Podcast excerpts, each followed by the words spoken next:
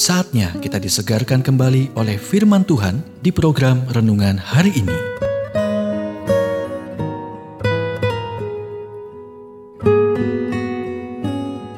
Renungan hari ini berjudul Obat Tuhan untuk Depresi, bagian 1. Nats Alkitab 1 Raja-Raja 19 ayat 7. Bangunlah, makanlah, sebab kalau tidak perjalananmu nanti terlalu jauh bagimu.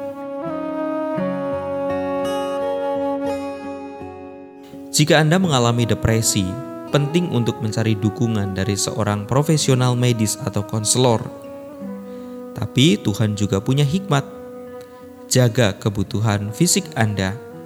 Elia kelelahan, jadi dia berbaring di bawah pohon dan tertidur.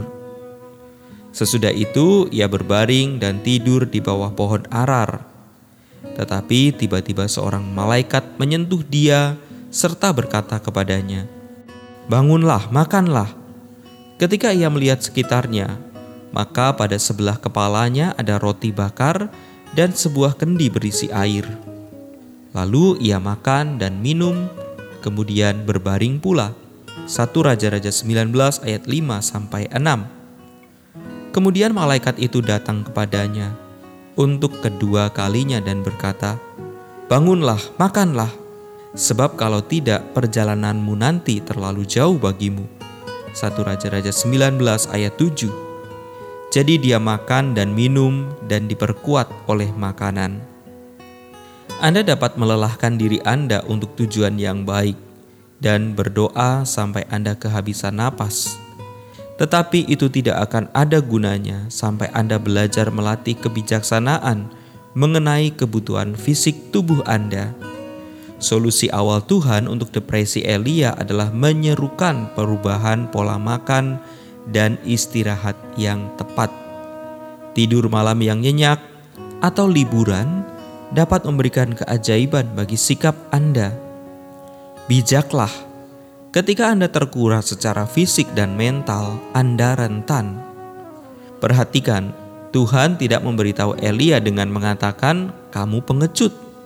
Apa yang kamu lakukan di sini di padang pasir? Tidak. Dia memulihkannya secara fisik dan itulah titik awalnya. Jadi, jika Anda depresi, langkah pertama Anda menuju pemulihan mungkin adalah menjadi bugar secara fisik. Perhatikan kebutuhan kesehatan Anda. Mungkin Anda perlu mengubah pola makan, tidur lebih banyak, atau memulai program olahraga. Kesehatan fisik memiliki pengaruh penting pada suasana hati Anda. Dapatkah Tuhan menyembuhkan Anda sebagai jawaban atas doa? Ya, Yakobus 5 ayat 14.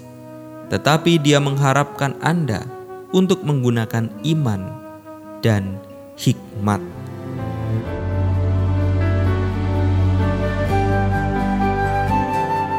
Kita telah mendengarkan renungan hari ini. Kiranya renungan hari ini terus mengarahkan kita mendekat kepada Sang Juru Selamat, serta menjadikan kita bertumbuh dan berakar di dalam Kristus. Renungan hari ini tersedia dalam bentuk buku maupun digital dan bisa Anda miliki dengan menghubungi Japri di WhatsApp 0812 8784 7210 atau email ke infoapripusat@gmail.com. Tuhan memberkati.